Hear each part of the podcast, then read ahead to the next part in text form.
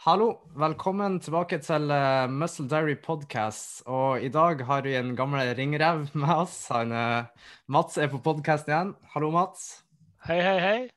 Yes, I dag så skal vi prate om uh, fettreduksjon, eller vektnedgang, eller cutting, som andre folk òg kaller det. det vi skal begynne med, det er jo det fundamentale tingen som er viktig for vektreduksjon, eller uh, fettreduksjon. Og det jo være på kaloriunderskudd.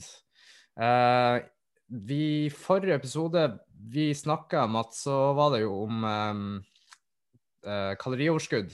Mm. Og når man skal bygge Nå skal vi gjøre det motsatte. Nå skal vi jo ned i vekt. Um, så jeg tenker kanskje, hvis noen ikke hørte episoden før, så kan vi bare gå kjapt gjennom hva energibalanse er først.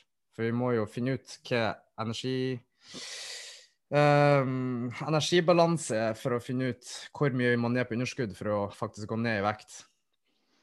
Um, så kan du kanskje bare forklare um, Hvis du nå har fått en kunde mm. uh, som kommer til deg, la oss si de er 80 kilo, og de vil ned i, ned i vekt.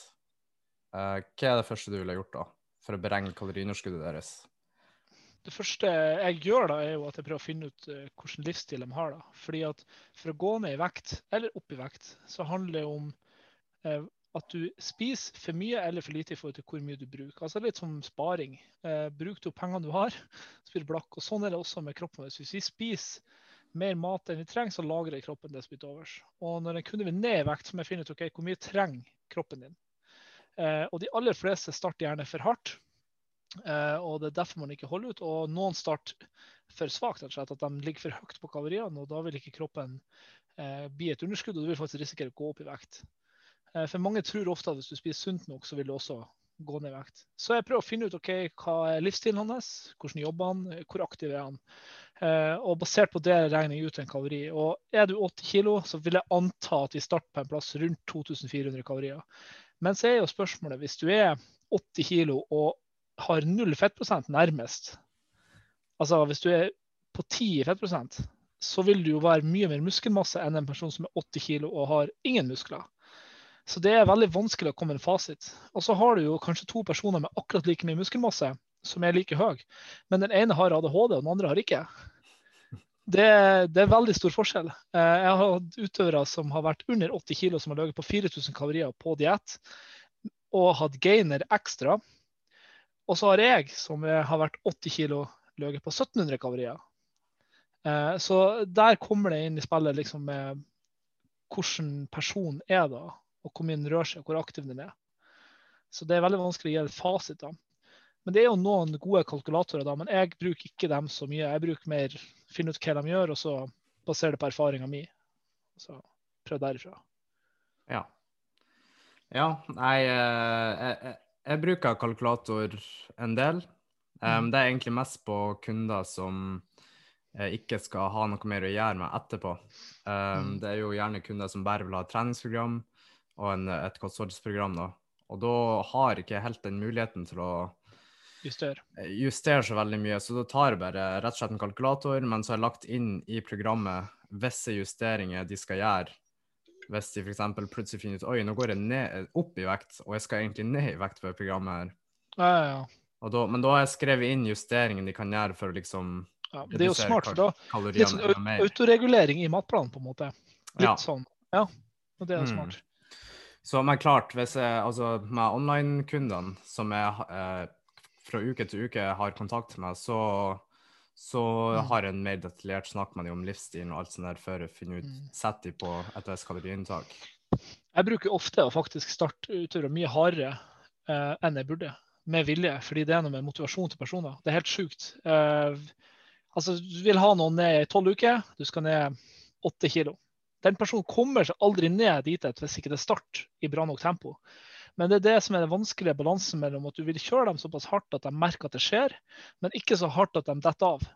Ja, det er, det er en eh, balansegang. Men, eh, ja, eh, men jeg sjøl òg er sånn. Jeg må ha gjerne tre kilo i første uka. Masse vann, så klart. Og så kan jeg legge meg på et litt mer rolig underskudd. da. Men jeg har begynt å gjøre det på folk i siste, og det virker å motivere. Eh, Ja. Det her halv, halvkiloen i uka, det er ikke så gøy når du, du føler at du skal så langt.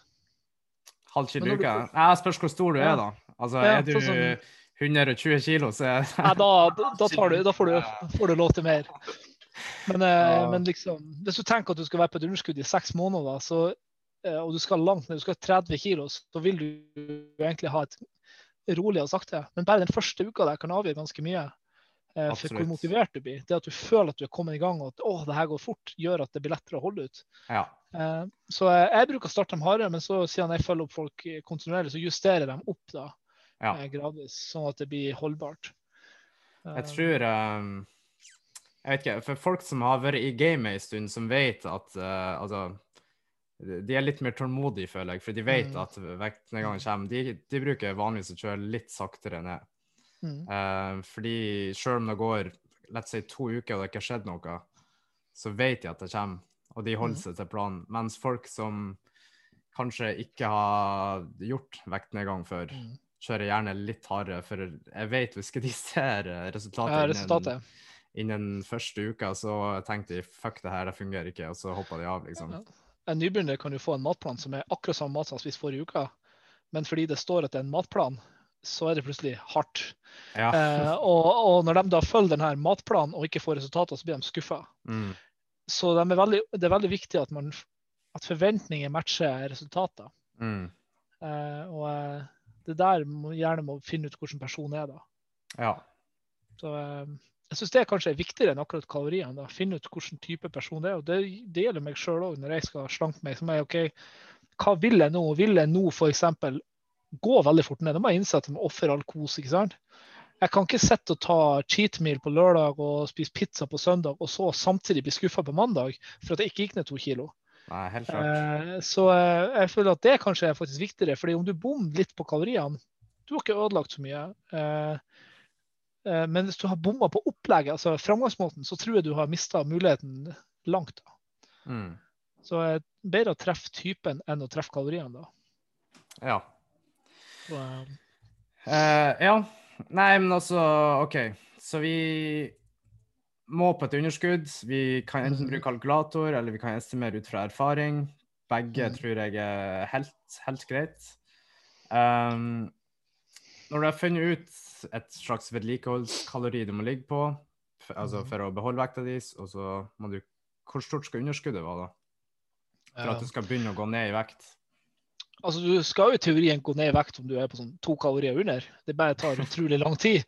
Eh, da må du sikkert være på diett i to år for å gå ned et halvkilo. Men eh, eh, jeg ville ha starta Tror, fem, tror du fem- faktisk du går ned et halvt kilo? Og var to, to kalorier underskudd per dag. to kalorier per dag, det blir jo 700 kalorier på et år. Nei, du må ha fem år på underskudd da, for å egentlig gå ned. Okay. Så når du er pensjonist, har du gått ned. Eh, nei, Jeg tror eh, kanskje jeg jo kalle- teoretisk så tror jeg kanskje går an. Ja, jeg, skal se, jeg skal se noen greier å holde en plan i fem år. Treffer akkurat på to. Jeg trenger noen til sånn forskning jeg skulle gjort, Jason. Blir du med? Ja, sant. Helt klart. Jeg bruker, jeg bruker i hvert fall å tenke at 500 under, eh, gitt at personen er mann vi snakker om. Er det jenter, så det er 500 ofte 25-30 av kaloriene de har å gå på.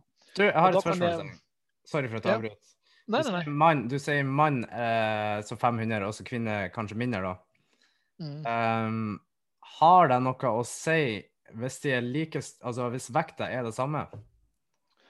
Eh, La oss si en dame på 80 og en mann på 80. Ja, for eksempel. Ja, da tror jeg nok at uh, ville lagt det ca. likt. Men jeg vet ikke om jeg ville tatt 500 underskudd da.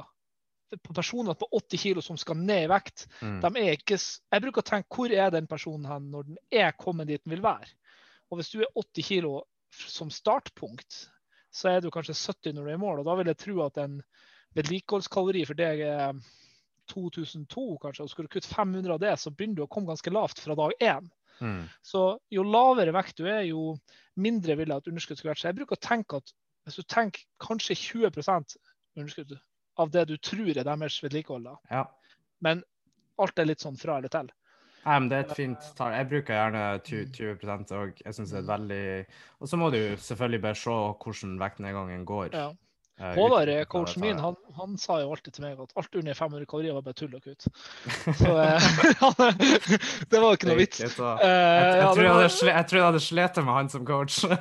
Ja, jeg vet, Ligger ikke du på sånn 2,6 nå, eller noe? Eller to ja, jeg tror nå ligger Nå, nå er jeg stagnert eh, to uker på 2003-ish.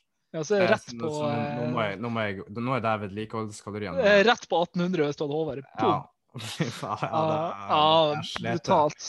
Men det var ikke livsstilsslanking, det er konkurranse. Ja, ja, helt klart. Det blir noe helt, helt annet. Men jeg merker at uh, jenter, der, der er jeg mer forsiktig på kuttinga. Uh, det virker som at de lettere får den der um, At det stopper. At det stopper. Enn hos menn. Da virker det som erfaring, da. Mm. For det er jo litt den, jeg vet ikke om vi kommer tilbake til, men det er den balansen mellom å kutte og ikke kutte for mye. For på et punkt så blir du å få så lite næring at du ikke klarer å røre deg. Du klarer ikke å fôre maskinen din. Ja. Eh, og det virker som at kutter du for mye i hoppene, så utligner kuttet seg sjøl. ja. de 500 kaloriene du kutter, var de 500 kaloriene du hadde brukt. Eh, så ender du opp med å bare ha det vondt og ikke gå ned i vekt. Så jeg føler at det er litt mer hårfin balanse hos jenter da. Mm. Så derfor liker jeg heller å egentlig bruke litt sånn prosent av det de ligger på. da. ja. At hvis jeg kutter en Det, det, er 15 til 20 det liker like med prosent. Jeg opererer veldig ofte med prosent, og det liker like med prosent at du kan Altså, det tar hensyn til din størrelse, egentlig. Ja. Eh, det er altså 500 det, det er noe helt annet som du sier for en mann på 50 kilo og en mann på 100 kilo. mm, mm. Mens du tar prosent, så justerer du egentlig med en gang til Ja. Størrelsen på, på, på den. Ja, altså, jeg tenker jo at Hvis du skal hjelpe Haftor eller eh, Eddie Hall eh, til å slanke seg, som er 200 kilo, og ikke er obese ja, jeg, Kan du ikke altså, kutte 500 kalorier, da må du liksom nei, så, altså, deres diett for å gå ned i vekt har jo jeg sikkert gått opp to kilo i, i uka. Ja, ja. ja. For at de Så, spiser eh, såpass mye ja. de, de, Så, så jeg vet ikke hva de ligger på 8000 kalorier sikkert om dagen, og skal de kutte, så setter du ikke dem på 7500. Da er den rett ned på sikkert 4000-5000. For at Ja. De Ja. Så det, det er veldig an på hvem, som, hvem det gjelder. Ja. Nei, men syns jeg var fin den, Mats. Eh, 20, 20 av um, Mm. vedlikeholdskaloriene. Den bruker jeg uh, mye sjøl. Mm. Um, har du noen tanke på hvor, hvor mye folk skal ned i vekt per uke, da? Eh, Det er jo også litt sånn spørs hvilken form du er i. Men jeg tenker at er du helt utrent og du har høy, høy fettprosent, så kan du gå ned opp imot 2% av kroppsvekta. Da snakker vi du er 100 kg pluss, ikke trener. Det er ingen fare å gå ned 2 ki- av kroppsvekta di i uka. Men det sier ikke at det blir lett, det sier ikke at det, at det er chill. Men jeg tror du, det går fint. Eh, men jo mindre fettprosent du har, og jo mer muskelmasse du har, jo lavere vil den der være. da. Og på det verste så er du kanskje ned på en halv prosent i uka. Eh, Som den siste måneden av konkurranseoppkjøringa så går man nesten ikke ned i vekt engang. For det er så lite fett igjen. Eh, Så skulle den kurven ha vært lik hele veien, eller skulle jeg ha gått ned like mange prosent av kroppsvekta mi hele veien, så hadde du mista mye muskler etter hvert. Ja. Så Det, eh, det er litt som hvis, hvis du er en veldig gavmild person da, og du har mye penger, altså mye fett, da, Mm. hvis penger er Mhm. fett, så hvis du har mye av det, så har du mye å gi i begynnelsen. Mm. Ja. Og jo mindre, altså, du tøm, jo mer du tømmer kontoen din, jo, mm. jo mindre har du å gi mot, mot slutten da. dessverre så er jo kroppen vår veldig smart, og den, den vil ikke miste fett. Den vil lagre fett, for den vet ikke når eh, neste måltid kommer, og den har ikke helt fått med seg at vi har Rema 1000 og Kiwi overalt. Så det er derfor den fortsatt hårder. Altså, hadde kroppen vår vært laga i dag, så hadde aldri verden lagra så mye fett som den gjør, for vi dør jo av det. Mm. Eh, men det, det tar lang tid før den utvikler seg. og så den, I starten så får den ikke helt med seg det som skjer med fettprosenten din. Og jo mindre fett du får, jo mer merker kroppen at, nei, ja, jo mer merker den at ok, nå er det lite fett, nå er det lite reserver, vi må spare på det vi har. Og den gjør det vanskeligere for deg å miste fettet ditt. Mm. Så eh, dessverre så vil ikke kroppen at vi skal slanke oss. Ja. Nei, dessverre. Og, eh, derfor er det godt å spise. Bare for å gjøre det litt, litt enkelt for de som kanskje lytter, så um, la oss si noen på 80 kilo, da. Mm. La- La oss si de er overvekt, de er 80 Mm. kilo, og de er kanskje bare 1,50 høy, Mm. og de har aldri trent. Uh, da vil jeg si Da, er de, da vil de vel bli klassifisert som uh, overvektig. Ja, jeg tror kanskje det. Ja, på ei 50, 50, ja. ja. Ja, ja, ja. Så da ville du gått for 2% av kroppsvekta. Vi, jeg, vil ikke, jeg vil personlig ikke hengt meg opp i den vekta. Eh, For det har ingenting å se. og Ingen blir å se tilbake på for to år siden, fem år siden, sju år siden eller en måned siden hvor mange prosent du gikk ned denne uka og ikke denne uka. Mm. Eh, Så jeg vil heller ha funnet hva klarer jeg uke til uke, og hva er jeg villig til å gjøre uke til uke. Eh, Det kan være noen uker at du bare nå skal jeg banke innpå og bare trene hardt og spise lite, og så går du ned to kilo, og så fantastisk. Mm. Men så kommer det ei uke i påskeferie nå. Kanskje ikke det er så kult å ha det 2 %-målet. Mm. Men jeg, det jeg mener med at opp til 2 at det er ikke farlig. Du mister neppe noe muskelmasse av det. Mm. Problemet er hvis jeg begynner å gå ned 2% av min kroppsmasse i uka, og jeg veier ca. 100 kg, så er det stor stor sannsynlighet for at jeg mister muskler òg. Og Ja. da, da skyter jeg meg sjøl litt i foten, da. Ja. Så herregud, er du ekstremt overvektig og ingen muskler, så kan du jo for min del gå ned så mange prosent du har lyst i uka, Mm. men eh, det blir bare vondere og vondere, og sannsynligheten for at du lykkes, blir mindre. ja. Nei, de- det er klart. Ja, de bivirkningene du får av å være på ekstremt underskudd, er jo, blir jo sterkere. Ja, jo lenger ned du kommer. Ja, og jo Mm. mer ekstremt underskudd det er. Mm. Hvis du hadde ikke fått mat på en måned, så hadde det veldig vanskelig å klare å holde seg til bare litt mat når du fikk det igjen. Mm. Så eh, Nei, eh, grunnen til at jeg spør Jeg er veldig enig i det du sier. Eh, eneste grunnen for at jeg spør, egentlig, det er for at um, jeg liker å bruke prosent når jeg lager program til folk, men Ja. ikke gi det ut til folk sjøl. Ja. for jeg vil at de skal ha ei realistisk forventning av hvor mye de kan forvente å gå ned i uka. mm, Eh, så la oss um, si f.eks. jeg får en kunde som er 100 kg.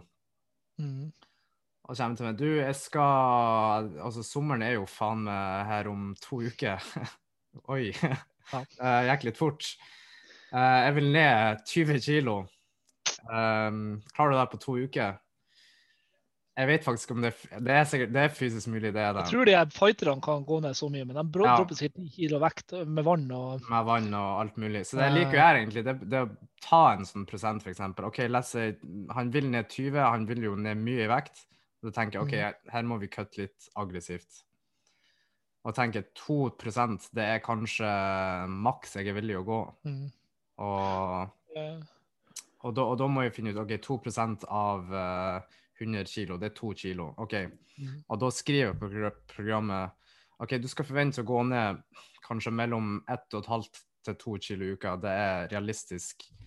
Det er, jeg er villig til å gå, liksom, for å an Mm. anbefale deg. For jeg vil ikke at du skal gå ned mye fortere, for da mm. ja, har du det ikke godt um, de to ukene du er på.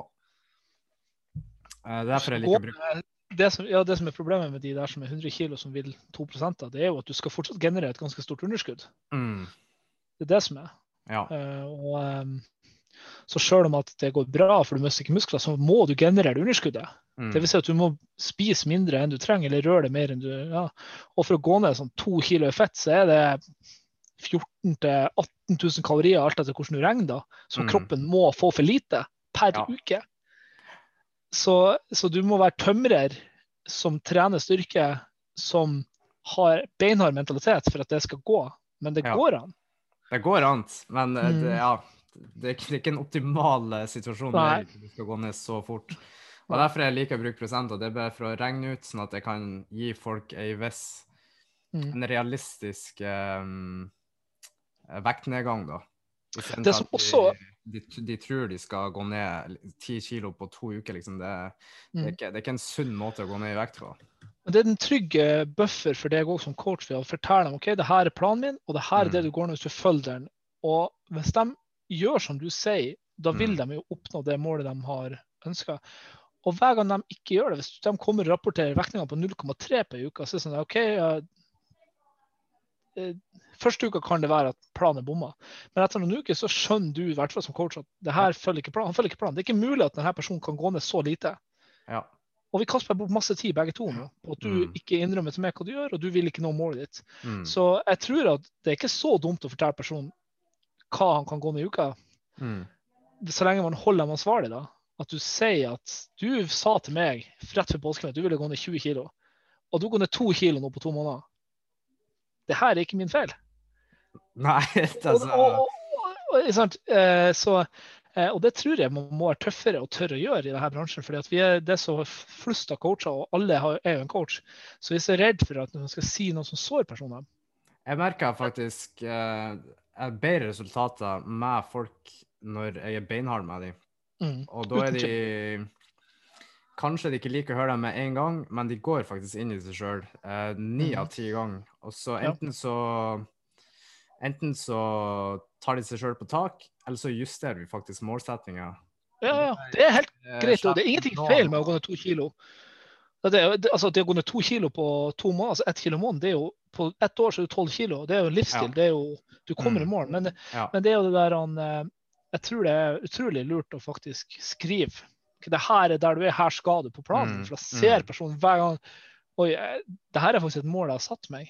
Ja. Uh, og eh, jeg tror, Det har ikke jeg brukt å gjort, faktisk. Å skrive på matplanen du vet det, du skal dit. Det skal jeg begynne å gjøre, faktisk. For jeg sier det jo til dem, men de får det ikke skriftlig fra meg. Ja, nei, for det fine med det, tenker jeg, det er altså La oss si du skal ned 20 kilo, det, det er jo mye vekt å, å miste. Mm. Og hvis du kun har det i hodet, og det tar lang tid, så altså, Det er vanskelig å finne motivasjon fra uke til uke. Du Mm. tenker Ja, ja. faen, jeg gikk ned bare et halvt kilo i uke her. Det er så lang vei igjen. Men hvis det allerede står på planen din du, Hvis du holder innenfor et, eh, et halvt kilo til ett kilo i uka, så kommer jo du i mål i løpet av Ja. denne planen her. Eh, Så da ser du at du er på riktig vei fra uke til uke Ja. til uke, liksom. Og da er det liksom mye lettere for folk å tenke shit, OK, jeg er faktisk på rett vei, istedenfor å tenke faen, Ja. det er ennå fette langt igjen til de 20 kiloene er borte. Liksom. ja. Og så blir man skuffa hvis man ikke når den øvre sjiktet av det der. Ja, ja, ja. ja. Men eh, det er jo kanskje en faktor som vi vi som driver på med det, i hvert fall vet, men som folk ikke tenker om. Men det er så mange variabler i kroppen vår som påvirker hva vi Mm. veier. Mm. Uh, det første er jo maten vi har i magen og i tarmen. Altså, den veier ganske mye. Uh, så har du næringa du har i muskelen, altså energien du lagrer. Så har du vann. Og så har du uh, Stress. stress, hold mer vann. Ja. Sånn, og bare vann kan variere med ett, to til tre kilo på en dag. Så du kan Ja. være en dag veie deg, så har du gått ned tre kilo. Dagen etterpå så går det null. Mm. Så Derfor er det veldig viktig å ta det med en klype salt. Og jeg bruker å anbefale mange som de som henger seg veldig opp i vekta, og veier seg hver dag. For da ser de at vekta går veldig mye opp og ned. Og er du veldig at du har veiing eh, på søndag, og du har et mål på 0,5 til 1,5 kilo ned, og søndagen forrige uke så veier du 100 kilo blank, og denne søndagen veier du 100 kilo, kom, altså 101 kilo. Du har gått opp ett kilo. Hele uka har vært ødelagt. Men hvis du hadde veid deg hver dag, så ser du at oi, første dagen gikk jeg ned et halvt kilo, så gikk jeg opp ett kilo, så gikk jeg ned. Og så til slutt så ble du veid på en høy kurve i stedet for at du ble veid på en low, hvor du har vært ett kilo ned. Og så har du Mm. blitt demotivert. Mm. Så det er en ting som jeg tror mange nye da må skjønne at vekta er, forteller bare akkurat hvor mye du veier nå, ikke fettprosenten din. Mm.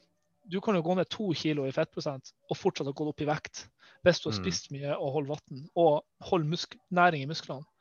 Ja. Så eh, Jeg tror det er sånn man må være litt tålmodig. sant? Hvis du Mm. veier 100, og så uka etterpå, så på samme, eller søndagen uka etterpå, så er du 100 og- 100,2. mm, Hvis det har gått to-tre uker, og du fortsetter på 100,2, OK, da ville jeg tenkt mm. her er noe ikke Så er det jo et par ting du må se. ok, Ser du forskjell i speilet? Ser du Mm. ingen forskjell i speilet? Sett klærne akkurat likens. Da vil jeg sjekke OK. Eh, Men da burde det være andre faktorer, som at du egentlig ikke er særlig sulten og du føler det bra. Sant? Eh, Men Ja. hvis du er sliten, du merker at, du, eh, at trening er tyngre og klærne blir løse, så har du gått ned i vekt. Du, har gått, eller du har gått ned i fettprosent, bare ikke vekt. Mm. Jeg sto tre uker helt i ro på konkurransediett, og da lå jeg på 2000 kalorier og gjorde én time cardio hver dag. Og jeg cheata ikke et sekund. Vekta sto helt stille i tre uker. Og så slapp jeg to Ja, helt i ro. Vi vippa med 100-200 gram avhengig av hvor mye jeg klarte å gå på do. Eh, Men jeg ble markert bedre form underveis. Så jeg mista fett, men jeg gikk ikke ned i vekt. Eh, Så, så, men jeg vil jo ikke anbefale noen la oss ha et ambisiøst mål, og være fornøyd med å stå i ro i tre uker. Mm. Eh, det- skal ikke skje med, hvis ikke du har lav fettprosent. Nei, på programmene skriver jeg ofte at um, hvis vekta står i ro i mer enn to uker, og du føler du har gjort egentlig det samme alt det du skal gjøre, Mm. Så, så altså, jeg har justering 1, 2 Jeg har på programmene justering 1, 2, 3, 4 og 5. Ah, Så står det på programmet OK, det her er neste justering du skal gjøre. Og som ofte så er det jo Ja. å, få de et større kaloriunderskudd. Ja, er. Um, på en eller annen måte, enten mindre carbs fra det måltidet, eller litt mer cardio etter den treninga. Altså, Mm. sån- sånne småting. Det er ikke noe som Ja. store greier er, Nei, eh, men er alltid noen småting. Skritt for skritt. Ja. Yes. Um, ja, så Ja. Når det gjelder prosentgreiene, så jeg tenker alt fra altså 2 er aggressivt, men det er helt greit Mm. hvis du er litt overvekt. Og hvis du er på normalvekt og sånn, så alt fra 0,5 til 1,5 eh, Mm. tenker jeg prosent av, av kroppsvekt. Eh, og gjerne litt mindre da, mot, mot slutten av en uh, vektnedgang. For da, som du sier, da vil rett og slett ikke kroppen kvitte seg med mer fett. Da er den Mm. på et punkt hvor den ser at shit, nå begynner, å, nå begynner vi å bli tomt her, nå må vi begynne å lagre. Begynne å holde på det vi har. Ja. Um, Det er litt som lønninga. Du bruker mye penger når du får den på starten av uka. Ja, første dagen. Første av lønning, det er rett på shopping og kjøp kosttilskudd, you name it. Og så kommer til slutten, så blir det nudler som skal vare hele uka. Fy faen. Her tar vi tilbake til uh, når jeg skulle flytte Trondheim. jeg skulle begynne på masteren i, i treningsfysiologi. Og så uh, hadde jeg jobba som eh, lærer um, på Træna i um, et halvt år. Bodde hjemme. Spara opp en 150 000 kroner, tror jeg. Oh. Um, så tenkte jeg Jeg har jo noen kjenninger i Trondheim òg. Så tenkte jeg ja, jeg drar bare dit eh, en måned tidligere. Det er jo sommer, og det er jo fint i Trondheim. Og kan bli litt kjent med byen og sånne ting. Ja. og så skulle jeg egentlig bo til søskenbarnet mitt, men så bor han så langt under sentrum. Han bor i Utlermark i Trondheim, så jeg er ganske langt Ja. under sentrum. Så tenkte jeg nei, fakeren, eh, jeg har tre-fire kompiser som bor i byen. Så jeg skal bo ei uke til, um, til hver av de, så, så får de del på, på belastningen, liksom. ja, ja. Jeg gadd jo al Siden jeg skulle bare bo der i uka, så gadd aldri å kjøpe mat for å ha i kjøleskapet. For tenkte faen, det, det blir bare heve uansett. Så du spiste ute hver dag? Jeg spiste faen på Storsiden i Trondheim hver dag, alle måltidene. I, i, I fire uker. det, hvor mye penger gikk det på det? Det var en 20 Vet 000 Jeg hadde.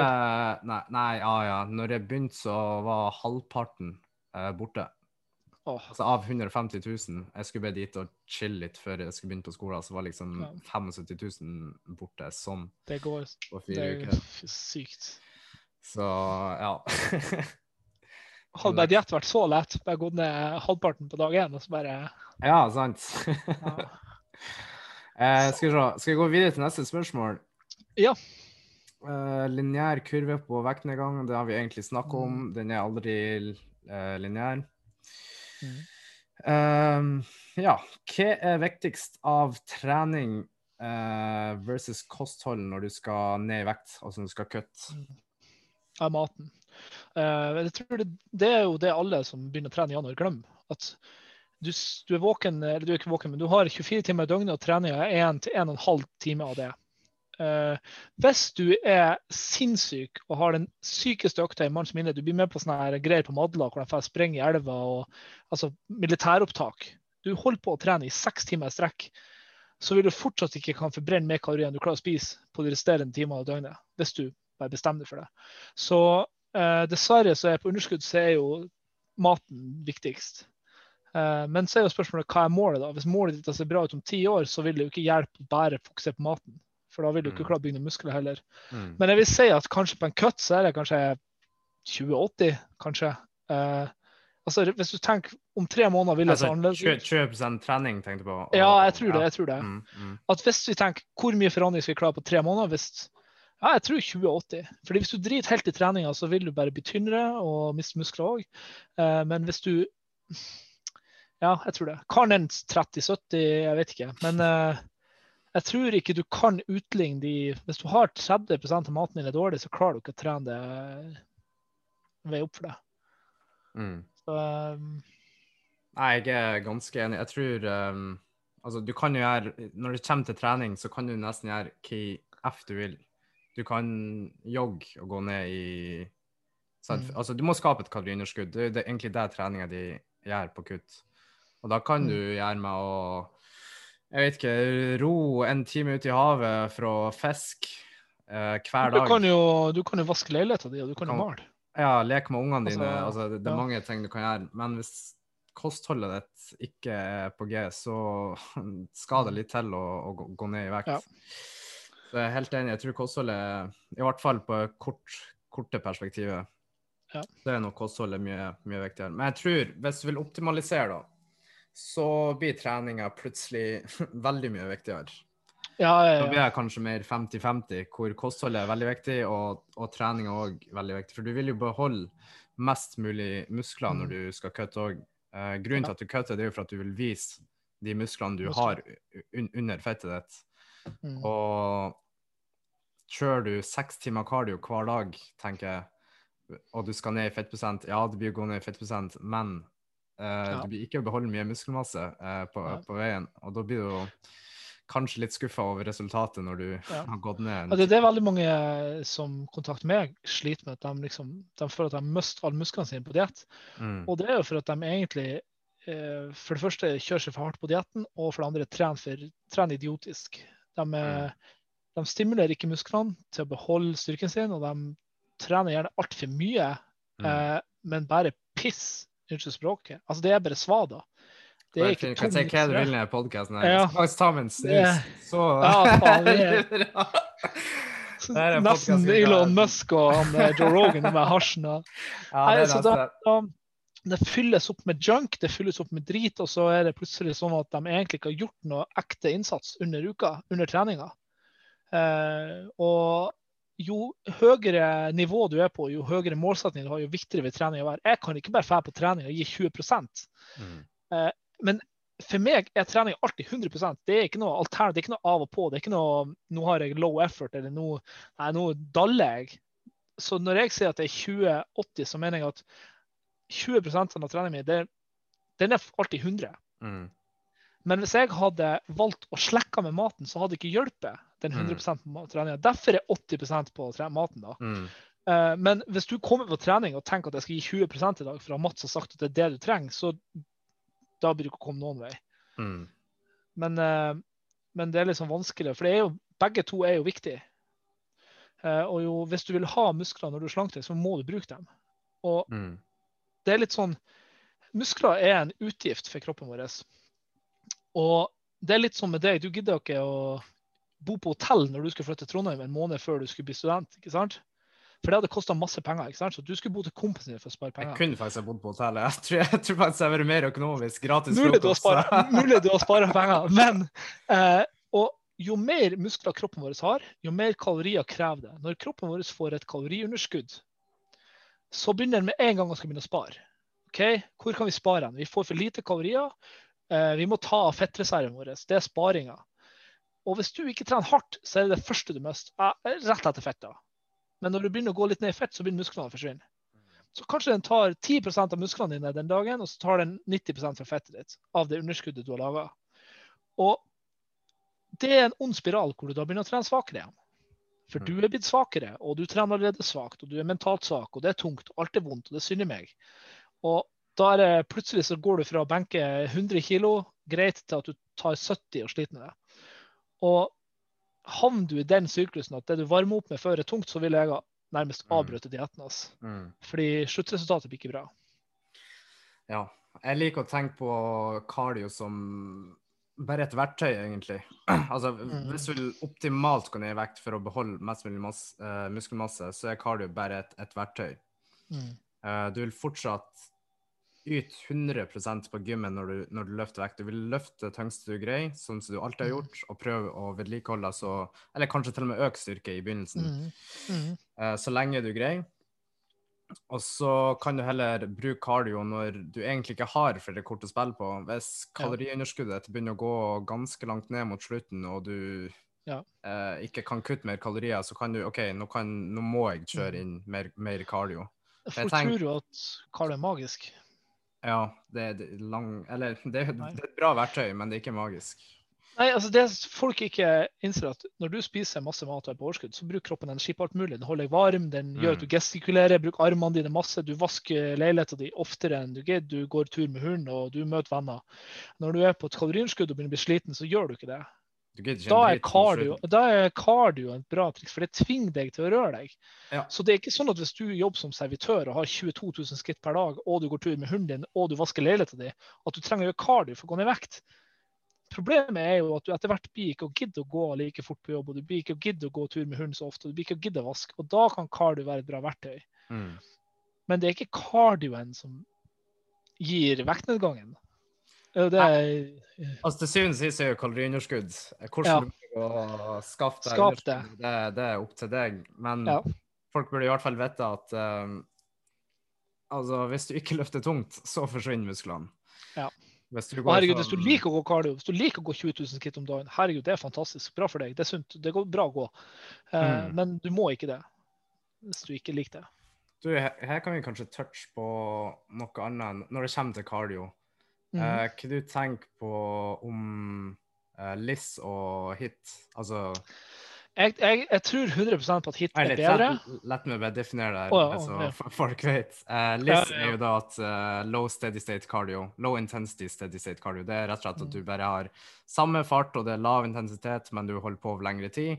Mens HIT Mhm. er at du altså intervaller hvor du kjører beinhardt i f.eks. fire minutter, to sekunder pause, Mhm. fire minutter. Eh, så er to forskjellige typer cardio, HIT og mm. LIS. Eh, hva du tenker på, eller hva dine tanker er om de når det gjelder vektnedgang? Jeg tror, og egentlig vet, at hit er best. Problemet er klarer du å gjennomføre det. Gjennomfører du det? Blir du å gjennomføre det? Gidder du å gjennomføre det neste måned òg? Eh, og det er det fine med LIS. LIS er enkelt og greit, du trenger ikke å tenke på det. Det er- Det er på samme måte som det er low intensity, så det er nesten low effort òg. Det er Mm. ikke noe du går og gruer deg til i flere timer.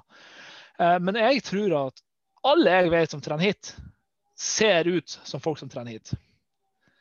Og du Hvordan, de, hvordan de ser bra ut, de ser bra ut, og de får igjen for det. Mm. Eh, jeg, jeg sier ikke at hiten er grunnen til at de ser bra ut, men jeg tror det stimulerer mye mer. eh, og du Jeg har trua på hit, men det er at du må klare å gjennomføre det. Og jeg gjorde ikke det på diett. Jeg brukte opp all energien min på styrketreninga mi, og så var det LIS etterpå. Ja. Uh, og um, det er jo helt forferdelig, men jeg tror at hvis du klarer å gjøre ting med en høy intensitet, om det er å løfte vekter, om det er å cardio, så tror jeg det vil lønne seg. Men jeg mener ikke at det er eneste måte. Og så må du se det i den hele sammenhengen der. Har du en travel hverdag, så har ikke du tid til å gå to timer på mølla. Mm. Sant? Eller er du veldig sliten og har en tung og steinhard jobb, så klarer ikke du å sprenge fire minutter etter styrketreninga di. Mm. Så jeg tror det er en tid er en plass for alt. Men jeg, jeg har begynt å tro mer og mer på at det som er vondt og det som er hardt, har en tendens til å funke. Eh, ja, jeg tror det. Det gjelder øvelse òg. Barbells framfor maskiner. Jeg tror det funker bedre. Det er vondere. Det er, jeg, bare, jeg har en sånn greie med at jeg tror kroppen vår er sånn at det som utfordrer deg, gjør deg bedre. Og Mm. kanskje ikke sånn OK, hvis du gjør low intensity og jeg sprint, så skjer det noe i morgen. Men det er mye mer i det her enn bare akkurat den fysiske tingen, stimulien som skjer, men det er også det psykiske.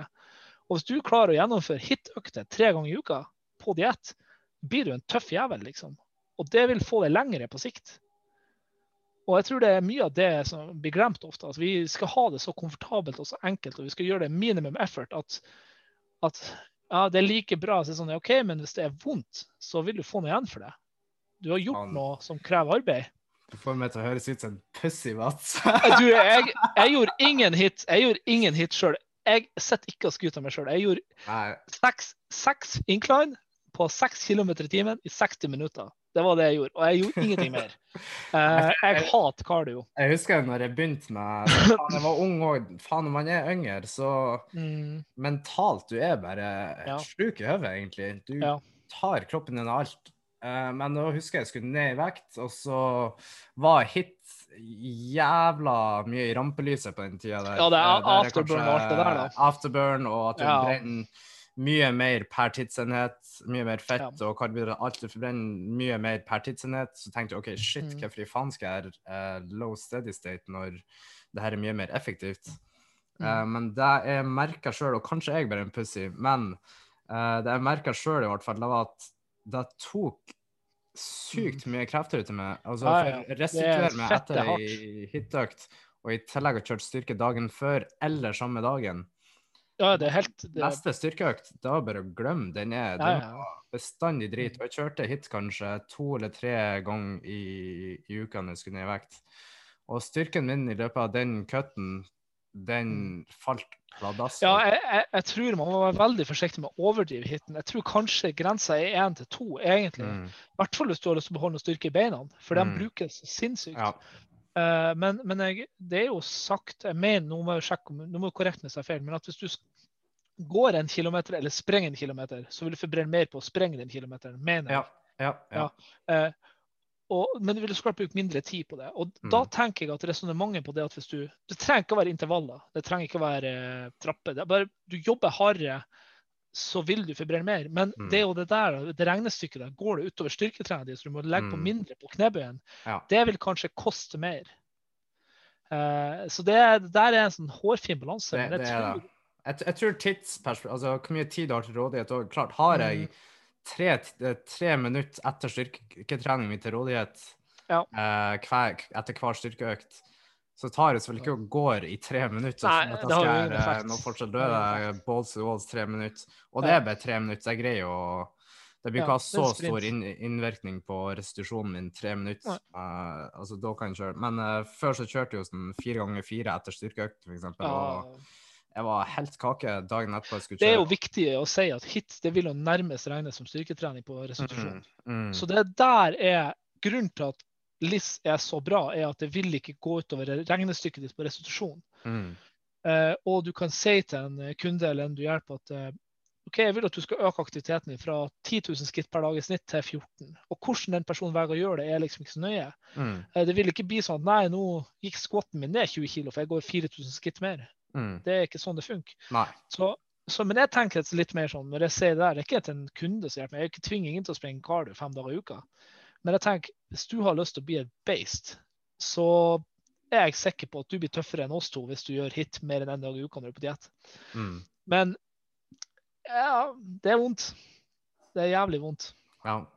Altså, jeg tenker så lenge ikke det går utover styrketreningen din, så Ja, Det kjør, der er det viktige. kjør, kjør på. At, eh, at du, at du hvert fall hvis du planlegger det sånn at du har det Mm. kanskje før en at du, For det første gjør det alltid etter styrke hvis du skal gjøre det samme dag, og at det Mm. ikke er dagen før bein, f.eks. Mm, mm. Fordi på maks effort så bruker du næringa i musklene på beina, og da vil du miste veldig mye trøkk til neste. Det er ikke Ja. bra. Du vil jo ikke trene. du- Og du får vekt. muskelskade av Altså, folk tenker muskelskade med styrketrening, men altså, tar du Mm. intervalltrening, du får en muskelskade Ja. på beina òg hvis du springer fire ganger fire. Dessverre vil de ikke gro så mye. Nei, og det òg. Men styrken blir igjen redusert til beinøkta Mm. dagen etterpå i tillegg. Ja. Så du må planlegge deg litt òg, tror jeg. Ja. Du skal kjøre, Så det er det som er, Hvis man nå også la seg fra vår forrige podkast følger vår anbefaling om at du burde prøve å treffe hver muskel kanskje to ganger i uka, Mm. eller en weak muscle kanskje mer, og så skal du begynne å få en hiten samtidig. Så det her er Mm. problemet med trening. at jeg Sett i et sånn i, en, i et vakuum, da, så er kanskje en ting jeg føler den er bedre, men så er det så mye annet som spiller inn. da. Mm. Ja. Jeg føler at hit vil gjøre deg bedre, men det vil kanskje ikke gjøre det bedre hvis hele regnestykket ditt er at du trener Mm. bein tre dager i uka og du er ganske aktiv. Ja. Eh, så eh, det er det som gjør trening artig, men også vanskelig. Ja. Jeg, ja. Altså, Mm. Det er det som er så jævlig artig med, med trening, egentlig. Det, Mm. det å få det puslespillet til å gå opp, liksom. Ja. Du må se på så mange variabler og Ja. Yes. Så, Det var langt svar på et, eh, ett spørsmål, men eh, jeg liker det. Ja. Eh, Videre til neste. Um, strukturerer du treninga di noe annerledes på cut enn på hvis du bulker, f.eks.? Eh, det er mulig jeg har mer junk-volum på diett. Ikke for at det er bedre, men jeg bare vet at jeg klarer ikke presse meg like hardt på baseøvelsene. Jeg vet at jeg klarer å hente meg like mye ut. Så Kan så du forklare jeg- junk volume veldig, veldig kjapt? veldig kjapt. Det er egentlig mer enn du trenger da. Eh, La oss si du trener bein, og så legger du til ti ganger ti på utspark etterpå. Det er egentlig mye mer innsats enn muskelen trenger for å bli stimulert. Så det er sånn, Vi kaller det sånn typisk junk volume. Mm. Men så klart, Er du verdens største, så kanskje ikke det er junk volume for deg, da. Men Mhm. Eh, det er rett og slett mer arbeid enn muskelen skal trenge. Ja, Men så er det det at- for å stimulere til vekst, Ja, liksom. til vekst. Ja. mhm. Men så er det det at nå er offseason, så kanskje jeg trener knebøy, kanskje jeg trener rumensk, og så kanskje utspark og lorker. Det er fire øvelser, og jeg er helt ferdig. Mm. Men det er for at jeg klarer å ta meg så ut på de øvelsene der at det er ikke noe mer igjen å gi. Men på diett så er jeg kanskje sliten. jeg Oppvarminga er tung. eh, Knebøy går til failure, men det, det blir kanskje to sett til failure, eller to sett som er tung, og så må jeg gå ned i vekt. Kommer til rumensk, må løfte mindre vekt enn jeg tror jeg kunne klart. Da bruker jeg å legge inn kanskje noen ekstra øvelser. Eh, Jeg vet ikke om det er noe man må, men jeg har merka at det hjelper hvert fall å ta litt bort det, eh, det kravet til å klare å løfte så jævla tungt på noen øvelser. da. Ja, altså, tror du Lett å si istedenfor å kjøre junk volume, da. Tror du du kunne ha stimulert nok til vekst, eh, og heller kjørt ekstra cardio? Eh, low steady state, for eksempel. I stedet for ja, eh, Nei, den junk-volumen, eller den det er jo ikke junk-volum, men det ekstra volumet er jo ikke for cardios eller kondisjon. Det er jo bare for å passe på at muskelen er blitt stimulert nok. Ja. Eh, Men ja eh, Nei, ikke til meg, for jeg føler jeg har såpass muskelmasse at kroppen min tåler mye juling da. Mm. Eh, Jeg kan jo kjøre Jeg har kjørt opp imot 15 tunge sett på bein på ei god økt. Og da mener ikke jeg utspark og lårkurl, da mener jeg sju sett eller mer på knebøy og fem sett eller mer på rumensk, og så hackskåt, og så ordentlige øvelser. Ikke sånn Mm. dilling der du sitter og bare kan prate i settet.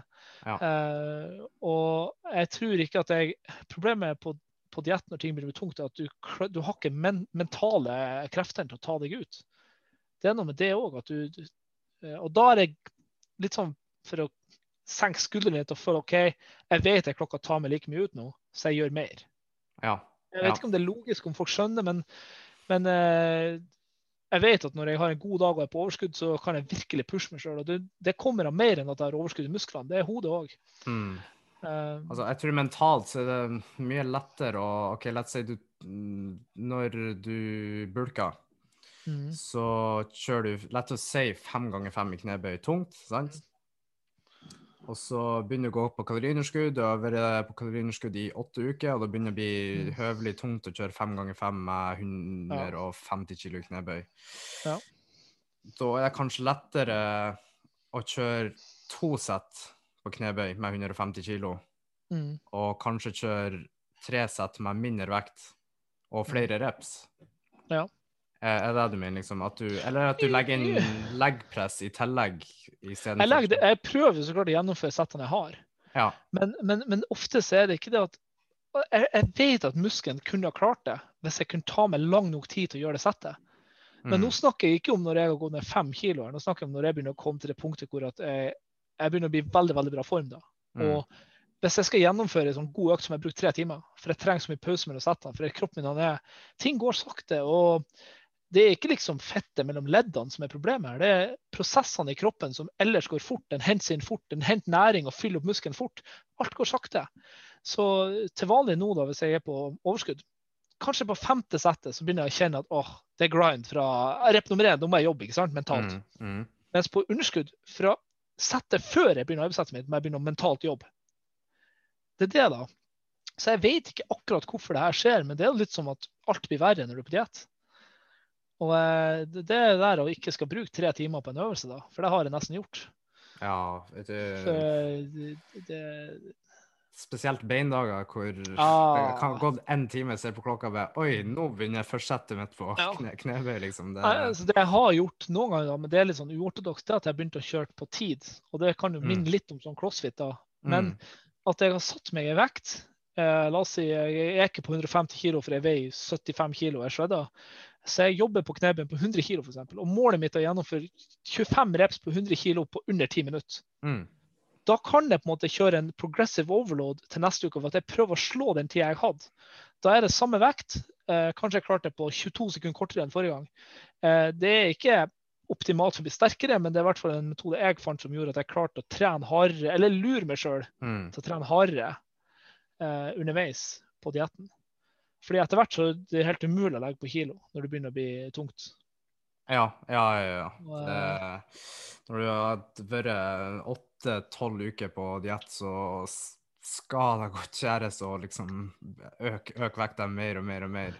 Ja, da, da lurer jeg ofte meg sjøl med at jeg har enda lengre pause, jeg kjører færre sett, jeg kjører færre øvelser. Altså, da er det jo Mm. egentlig ikke økning. Da er det jo egentlig bare jeg som har gjort workouten enklere. Ja, ja.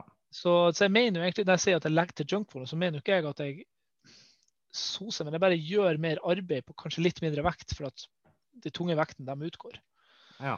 De, eh, men det er jo en sånn ting jeg har begynt med jo mer jeg kjenner kroppen min. da. Mm. Uh, Jeg prøver jo alltid å kjøre tungt, uh, og så tungt jeg klarer.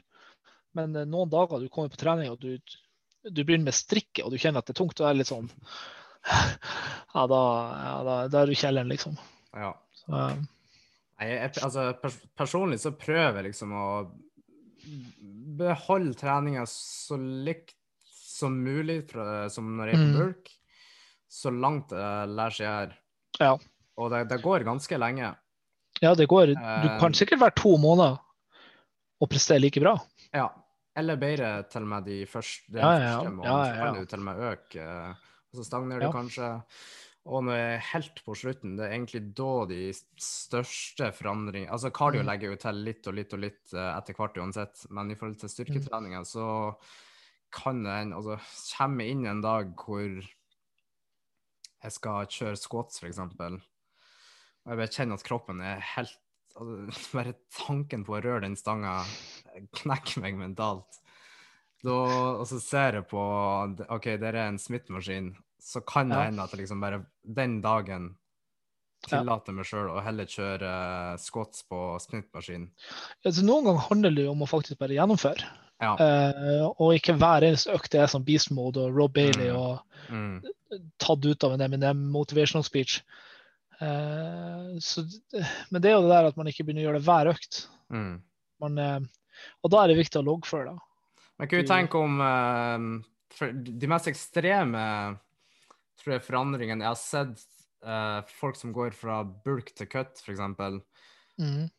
Det er jo at de tenker ehm, OK, faen, nå må vi kjøre høyrep, liksom. Styrken blir jo det. Høyrep det blir litt mer eh, sånn cardio-opplegg. Altså en blanding mellom ja. styrke og cardio. Uh, og de tror at de skal få bedre resultater av det, da. Hva du tenker om det? Nei, det tror jeg er en veldig snarvei til å miste muskler. da. Fordi at du eh, For det første så begynner du med noe nytt som du er i teorien dårlig på. Mm. Og du fjerner noe du er god på. Du har trent tungt, du har trent med få reps, og det her er du god på. Det stimulerer musklene dine bra, og kroppen din blir belasta hardt av det. Eh, så begynner vi å kjøre 25-ere i knebøy. Altså, hvordan, hvordan vet du at det er et bra sett? Det er jo vondt uansett. Ja. Eh, muskelen din bryr seg ikke om hva du føler. Så plutselig så har du halvert stimulien din. Men så klart, du blir jo å føle at du blir bedre, for du gjør noe du ikke kan. Mm. Altså, hvis jeg begynner å spille sjakk når jeg er på diett, så kommer jeg til en sinnssyk progresjon i sjakk. Mm. Men det hjelper jo ikke på musklene mine, det. Eh, sånn, så, så jeg, det er det verste jeg ser, da, egentlig. At du dag én av diett så begynner med noe helt nytt. Eh, du vil jo egentlig endre så få ting som mulig, sånn at du vet at det du gjør, funker. Mm. Uh, og Spør deg, for at jeg, jeg har gjort det sjøl, liksom. Jeg, Ja, jeg òg. Eh, Jeg tror første cutten min, da da var faktisk, altså da hadde den Ja, ja. retten med at ok, nå må jeg bare kjøre, kjøre ned på repsen for styrken blir å, Mm. falle, og Da sikrer sikrer du at den faller. Ja, da sikrer du deg at den faller. Og den falt ganske kjapt òg. Mm. I løpet av et par uker så var den Ja, altså Høyrep skal jo stimulere volum bedre, og Mm. du er i et miljø hvor du ikke kan bygge gitt du er underskudd. Altså, du, mm, Hvis ikke du ja, begynner med masse steroider. Så du, du er i et miljø hvor du ikke kan bygge, og du gjør en trening som er bra for å bygge. Det er sånn så ulogisk du får det. Og den treninga som funker for å beholde styrke og holde på muskelmassen, den slutter du med. mm, Så, eh, men jeg har gjort det sjøl. Eh, men du forbrenner jo sikkert litt mer kalorier akkurat i det vinduet du trener. For hvis du trener i én time og du får gjort 30 sett, Ja. så eh, kan det hende du forbrenner mer og sitte i et vakuum at hvis jeg og du skal på trening og vi skal forbrenne mest mulig kalorier, jeg og du, på den treninga, så vil det jo funke. Men Da, da tenker er- jeg, da, da kommer vi tilbake til det der OK, kan du heller ikke bare kjøre cardio, da? ja, det tror jeg Eh, enn resultatet blir det samme i, i den forstand. Så Ja. jeg, jeg tror òg det, det er mye viktigere å prøve å beholde styrken enn, enn å Ja. begynne å kjøre masse høygrep og tro at eh, Fordelen med høygrep er at du blir jo hard av det mentalt. Det er vondt, og du, mm, du lærer deg å ha syre Du får høyere syreterskel, men det er jo kanskje ikke det vi er ute etter når vi vil ha sommerkroppen. Nei. Liksom, nei, så eh, Det er derfor at Men mange ser jo på folk som er i god form, og mange som er i god form, gjør ofte det. Se på crossfit-utøvere. De er ofte veldig veldig god form, og de kjører ofte veldig mye reps. Uh, men det har jo ingenting med muskelmassen deres å gjøre. Nei, og det er faktisk òg en uh, ting Altså, folk ser på crossfit-utøvere altså, Mange av de ser jo ganske altså, store ja, ja, ja. og sterke. De har, de har ganske muskuløse kropper. Men er det optimalt for muskelvekst?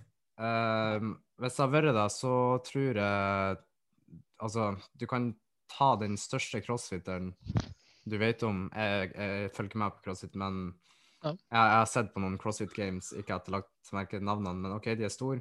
Men lett å si det har vært optimalt for muskelvekst, det crossfitterne gjør. Og så sammenligner du den største crossfitteren med den største bodybuilderen. Og så ser du, så ser du forskjellen på de ja. to. Så, og, så og, hvis folk tror at det kun er én av de som bruker, så ja, da må du egentlig våkne opp, da. Ja. For at uh, hvis det Har Mats snakket om steroider nå? ja. Jeg er litt pen på det i dag. Jeg, uh, jeg sier ikke at alle som CrossFit bruker steroider, men jeg sier at hvis han er størst og best, mm. og ikke bruker, hvordan har han vært hvis han har brukt? Mm. Uh, og hvorfor er han større enn folk som bruker? Hvorfor er mm. han bedre enn folk som bruker? Det er veldig lite.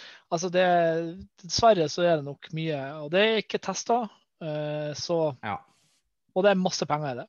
Så, det, er jo, altså, det er ikke til second store, det er ikke bare altså, sport hvor du ser muskler at uh, steroider er innblandet i bildet. Du har egentlig fotball, basketball, ba mm. baseball, alt. Det. Altså, de som ja. er i toppen, det kommer ut når, når de har lagt opp. Lagt opp. Og, ja, Skriv bok om det. Ja. ja. Nei, jeg, jeg, hvis du liker høygrep, og du har gjort høygrep offseason, mm. så er det ikke sikkert du mister så mye styrke av å gjøre mm. grep på det. For da, ja. da, vil det være noe du er vant med, en stimuli du er god på. Ja. Men hvis jeg kun har kjørt én til femmere nå siden korona, og jeg begynner på diett i dag og begynner å kjøre 20 så da må du gjette på hvor mye stimuli du må ha. Mm. Og kanskje du overkiller muskelen, så du du trener den så hardt og du kjører så mye volum på den at du mm. mister muskelmasse. Ja. Ellers gjør du for lite. Så det er en veldig sånn, vanskelig balanse. da. Ja. Så egentlig, jeg tror begge er enige om at du vil gjøre mm. så lite forandring som mulig for ja. altså når du går fra bulk til, til cut. Ja. Og gjør små justeringer underveis. Det er da. Ja. Um, neste spørsmål.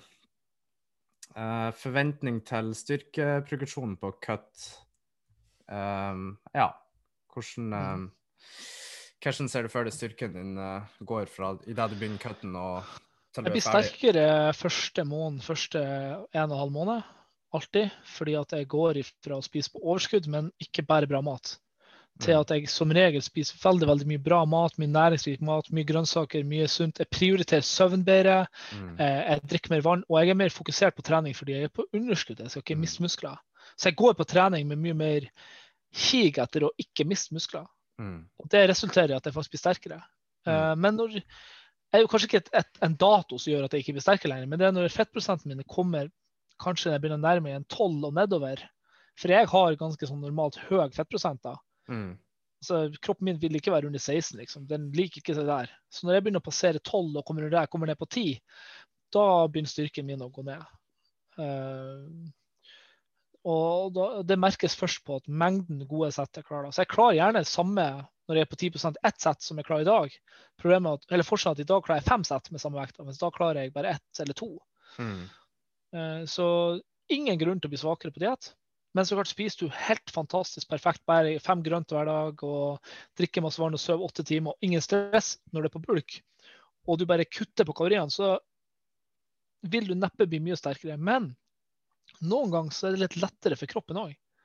Det er noe med det der. Det å være på bulk er på en måte en belastning. Kroppen bruker mye energi på å forbrenne kalorier og fordøye mat. Mm. Så det kan oppleves som at du blir sterkere i starten fordi at kroppen er litt i Den tar et par dager for den skjønner hva som skjer. Ja. Så den fortsetter å pumpe ut næring til musklene, men den har ikke så mye næring å fordøye. Og så plutselig så står du der med næring i musklene, men kroppen trenger ikke gjøre noe annet. Mm.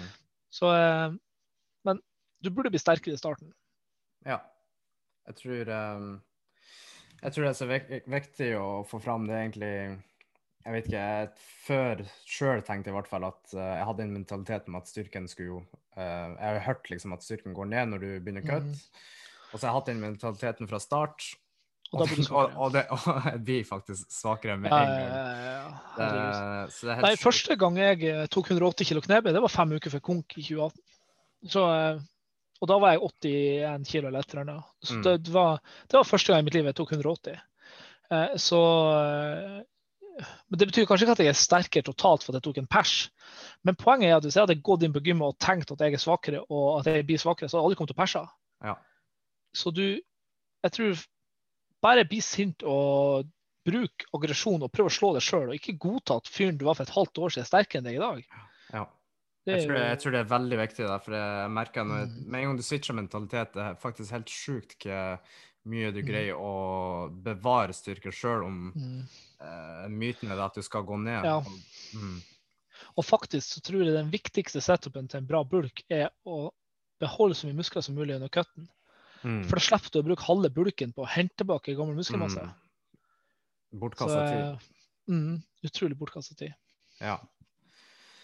Yes. Um, OK. Neste spørsmål. Mm. skal vi se Tell kalorier eller ikke? Altså når du skal kutte, selvfølgelig. Uh, jeg tror det her um, spørsmålet gjelder kanskje to populasjoner, da. Eller kanskje ikke. Mm. Hva du tenker om å telle kalorier eller ikke når du skal ned i vekt? Uh, jeg tror det er lurt, men uh, du må ikke. Eh, det fine med å telle kalorier er jo at du vet hva som skjer, og hvorfor, eller du vet hvorfor det som skjer, skjer. Eh, hvis jeg teller kalorier, ligger på 3000 kalorier og jeg står stille, så vet jeg at det er for at 3000 kalorier er for mye. Eh, du, det er også vanskelig å føle seg fram til hva et underskudd er. For kroppen den hyler egentlig med en gang du er på et underskudd. Mm, mm, 100 kalorier underskudd, så er du sulten liksom hele dagen. Det er bare sånn her. Ja. Eh, og da er det fint å telle kalorier for å se OK, jeg vet at jeg er ikke på jeg er ikke hungersnød nå. Det her er bare hodet mitt. Eh, men det er ikke noe du må gjøre. Jeg teller ikke kalorier nå, jeg er på diett. Men jeg tracker iblant. Jeg tar sånne her stikkprøver av dagen min mm, mm, og ser. OK, nå ligger jeg på I dag har jeg snitta 2008. OK, mm. good. Det føles Men det er jo erfaring. Jeg gjorde aldri sånn før. Før tracka jeg alt. Eh, og litt av grunnen til at det er lurt å tracke, er for at hvis du har en dårlig periode, og du ikke går ned i vekt, så vet du hvorfor. Og at du, du ikke blir en av de her som skylder på gener eller tung beinbygning, eller at Mm, nei, kaloriunderskudd funker ikke. mm. Du har ikke vært på kaloriunderskudd. Uh, så jeg tror det er lurt, men jeg tror ikke du må det på den ekstreme måten at alt må trackes. Nei. Nei, det er faktisk Det er jo studier òg på det med folk skal estimere hvor mye Ja, ja. de spiser, og de eh, Jeg vet ikke om det De spiser med 30-50% mer enn en det de Mm. tror de spiser. Så det med å, å bare estimere hva du spiser, og liksom ikke ha noen form for uh, overblikk over hvor mange kalorier du faktisk spiser. Jeg tror mange jeg kan tror gå i en smell der og oppleve at de ikke får noe framgang.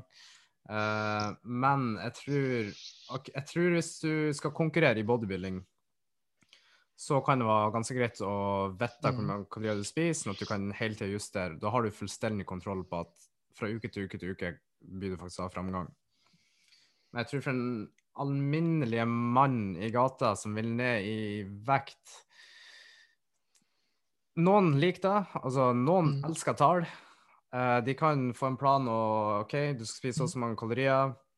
eh, og de kan tracke alt. Um, jeg, har, jeg hadde en kollega som, som elska det her med å Mm. jeg, jeg hater det sjøl. Jeg hater Mm. å tracke kal kalorier. Uh, så jeg gjør det egentlig ikke. Uh, men hun elsker det, så hun Sjøl når hun ikke skulle ned i vekt, så, Ja, ja. så tracker hun. Det er jo liksom, noen som har eh, faen meg 3000 dager streak på MyFitnessPal på å track maten. Jesus Christ, 3000 dager. Så, ja, ja, ja. Men uh, en god Men- øvelse som eh, den testen vi tar nå Husk du sist gang du spiste en salat eller noe veldig sunt? Når spiste du salat sist?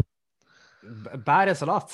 Nei, salattilbehør. Noe som du definerer som sånn diett, noe sunt, noe bra, noe som du blir slank av.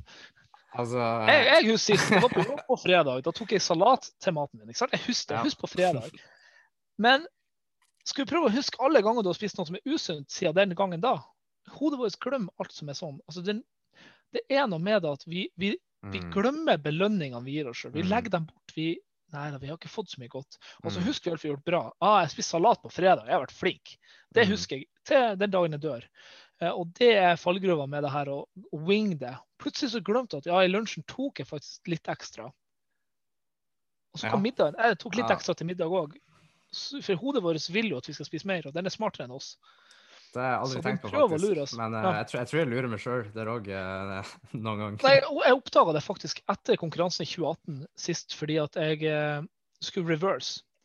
Og så skulle jeg uh, ta en dag fri fra dietten, og så skulle jeg begynne å reverse.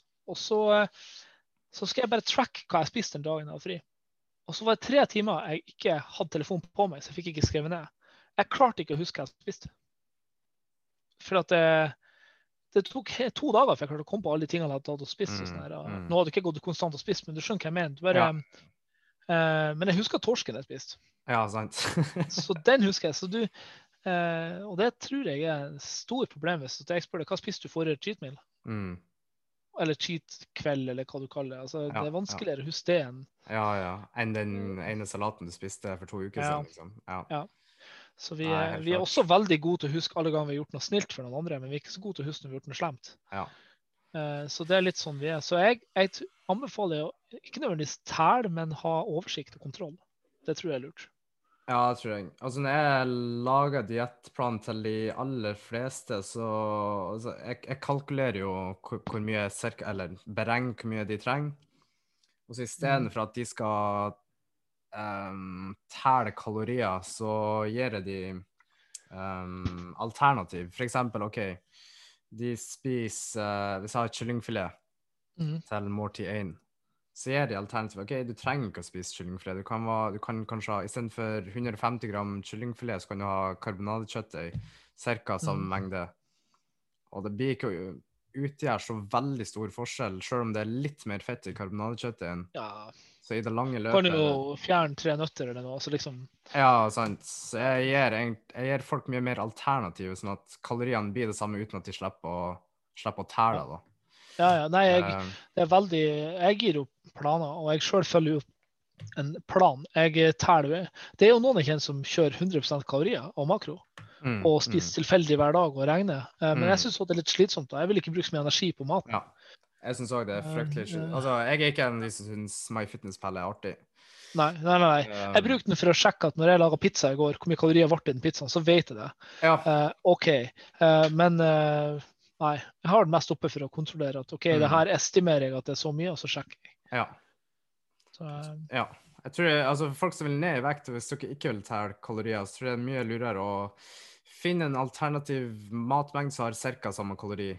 Og da vet Ja. du det til neste gang. ok, Istedenfor den her eh, ja, for, Istedenfor 80 gram ris, så kan du spise ca. 80 gram pasta.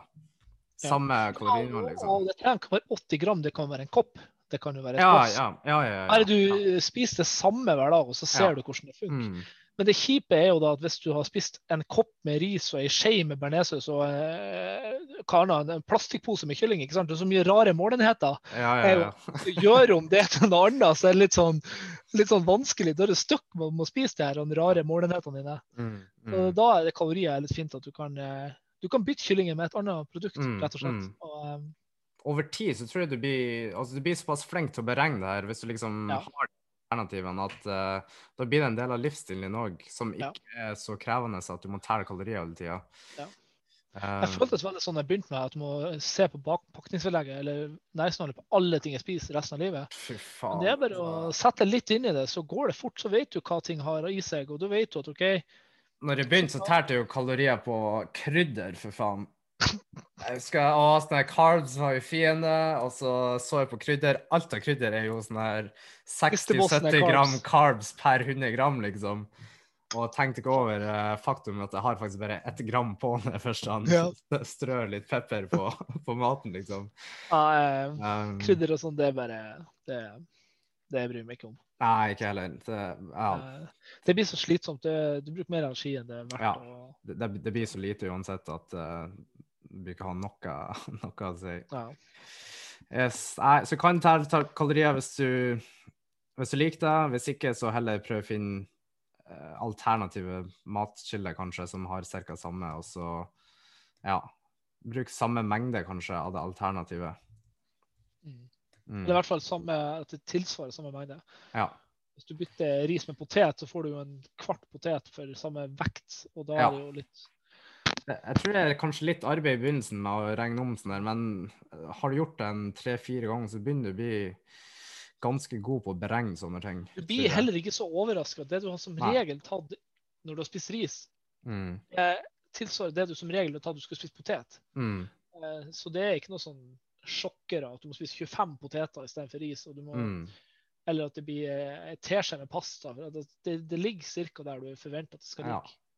Altså, jeg, jeg kan lett bytte ut Hvis det står på mål, måltidsplanen min ris, f.eks., uansett Mm. 40-80 gram eller hva enn det er, Mm. eh, så ligger det noen poteter igjen som noen har spist fra dagen før, og jeg har ikke, ikke kokt ris ennå i dag. Glemte å koke det i går. Tar vi den poteten, og så Hvis det er veldig lite potet, kanskje hiver i med en banan òg, så ca. Ja, ja, ja. Like gjør- mye carbs. Liksom. Det blir Slipper du Jeg jeg ikke på MyFitnessPal og kalkulere om alt, liksom. Og du, får, du føler som en frihet etter hvert når du begynner å få Mm. den kontrollen. Og, Ja. eh, så det, det tar ikke så lang tid. Det tar kanskje en måned eller to med at du bare prøver å lære å sette inn, og så kan du Mm. faktisk ganske bra etter det. Ja. Mm. Yes. Uh, neste, cheat meals. Jeg tror uh, tida begynner å gå ganske ifra oss her nå, så vi kan kanskje ta de siste litt kjapt. Ja, Vi gjør det. Um, har du cheat days, cheat meals eller cheat week når du er på cut? Cheat month. Hva sier du? er måned, Jeg går for måneder. Nei, uh, når jeg er på diett, så har jeg aldri jeg har aldri cheat. Jeg trenger ikke cheats. Jeg er ikke en hund. Jeg trenger ikke treats. Jeg, jeg gjør det for en grunn. Jeg er på diett for at jeg skal nå et mål, eh, ikke for at jeg skal ha cheat meals. Men jeg har refeeds. Mm -hmm. uh, og det vil si at når prestasjonen min eller kroppen min trenger mer næring, uh, så velger jeg enten å ha refeed eller at det øker kaloriene generelt. Cheat day, La oss si du tar en cheat day. da. Du har en, vært på diett en stund og tar en cheat day, og du plutselig ender på å spise 7000 kalorier den dagen. Mm -hmm. De kaloriene får du nytte for den kvelden du spiste, og kanskje dagen etterpå. Kanskje. mhm. Men mandagen kommer, du er like sliten som du var, og du har ikke fått noe igjen for det. Og du har ikke økt noe forbrenning. Mhm. det, det bare glem. Det er ingen som blir shredda og spiser 7000 kalorier. Da hadde vi alle vært shredda hele tida. Ja. Det er kun fordelen med cheat, det er mentale. Det er godt, og du gleder deg til det. og du liksom, åh, cheat meal. Men du lurer deg sjøl. Hvorfor driver du på med det her hvis det er så jævlig at du må ha en stor belønning hver fredag, eller hva det er? Mm. Så se på det her som at det er noe, det er noe fysisk du holder på med. Det er en idrett. Du Mm. prøver å bli bedre, og du skal ikke jukse. Men eh, refeed kan være pizza. Men jeg bruker alltid å prøve å ta mer av den maten jeg spiser.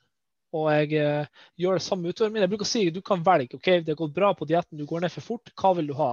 Vil du ha ett måltid på fredag, som er en stor pizza, eller vil du at vi skal gjøre frokosten din større hver dag? Mm. Og de aller fleste velger det når de hører om den muligheten. Mm. Men vi har jo bare fått printa inn i hodet vårt at man må ha cheat week eller cheat day eller cheat Mm. night eller hva det er.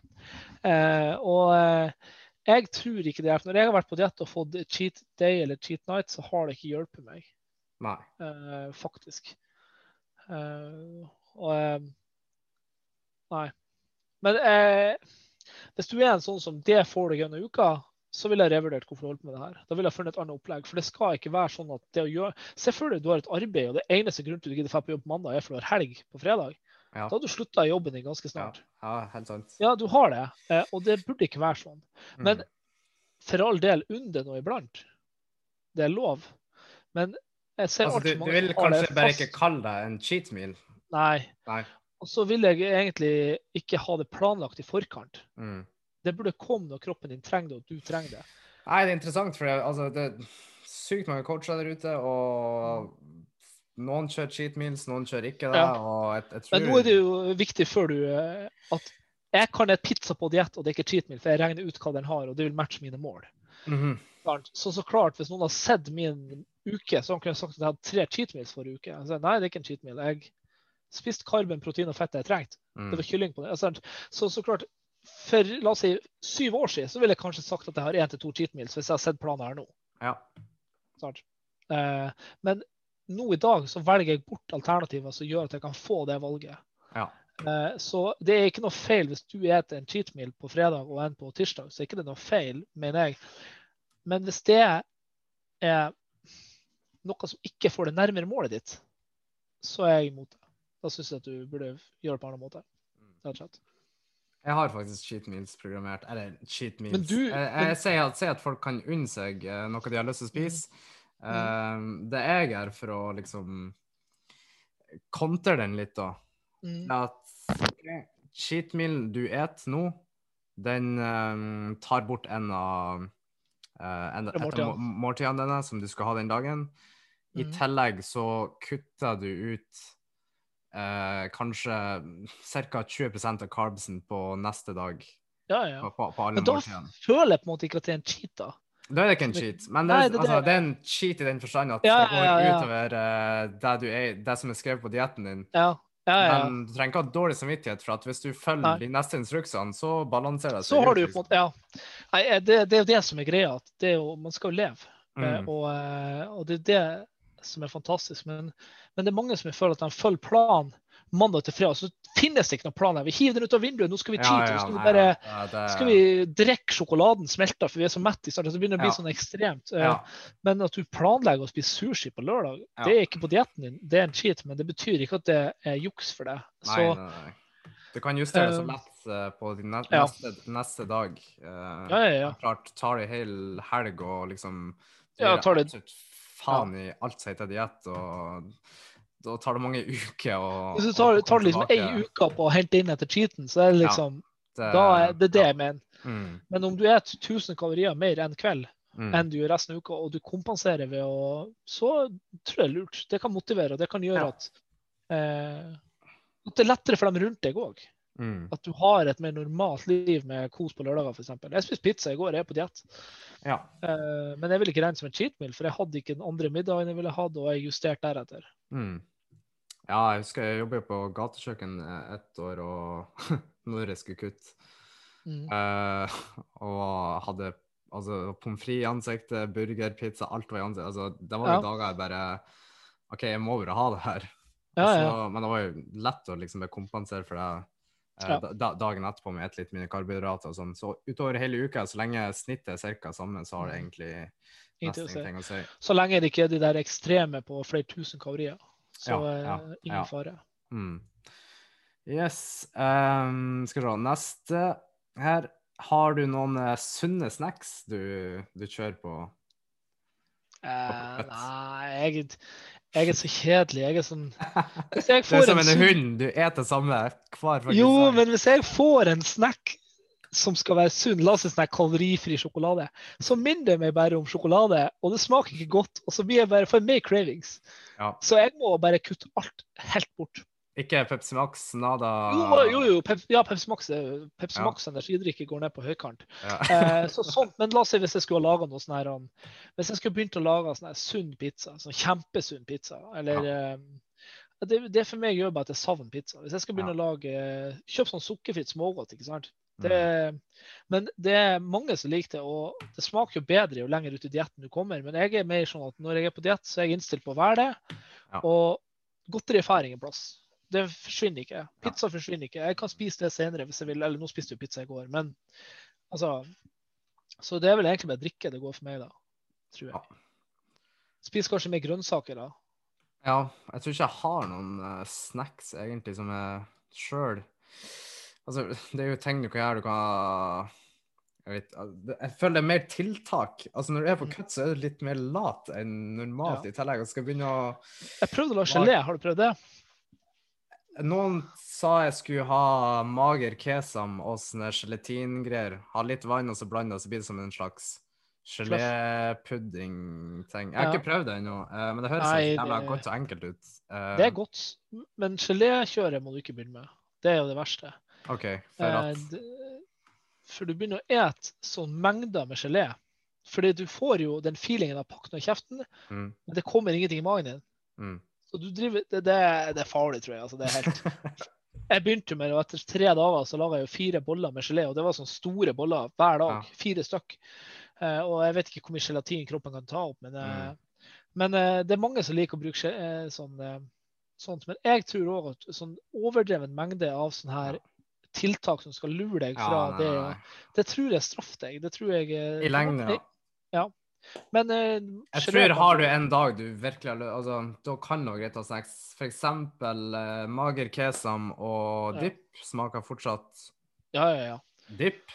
Og Ja. kjører gulrøtter, da, det, det ja det syns jeg er faktisk jævla, Ja. jævla nice. Det er bare at jeg er lat. Det er for at jeg er lat, ikke for at det er godt. Det er for at jeg, jeg hater da mat. Og Ja, ja, ja. Jeg Hvis dama mi eh, kommer inn med gulrøtter til meg, så spiser jeg det. Men mm, jeg blir ikke å dra på butikken og kjøpe det og lage det. Og kutte opp og Nei. Nei, faen. Jeg, jeg, jeg blir bare mindre og mindre kreativ jeg, jo lenger jeg er på kutten. Det er sånn her, Jeg gidder ikke å tenke på å, skal lage noe kult engang. Det er bare sånn her Nei. Nå skal jeg bare kjøre gjennom det. spis. Det, Ja. det som står. Yes. Um, hvor lenge burde du kutte? Ja, det kommer vel eh, helt an på hvem, hvem målene ja, hvem målene dine er, og om det er konkurranse, eller om du har et bryllup du skal ja, Det tror jeg jo egentlig svarer seg sjøl. Det er jo hva vil du nå, da. Ja. Altså, eh, men så klart eh, Hvis du skal begynne å ha en kutt som varer mye over seks måneder, så burde du kanskje ha litt sånn mini-breaks iblant. Altså litt sånn pauser, da. Mm, Eh, litt for det mentale og for det fysiske. Men eh, alt fra én måned til Altså alt under én måned tror jeg ikke har noen effekt. nei.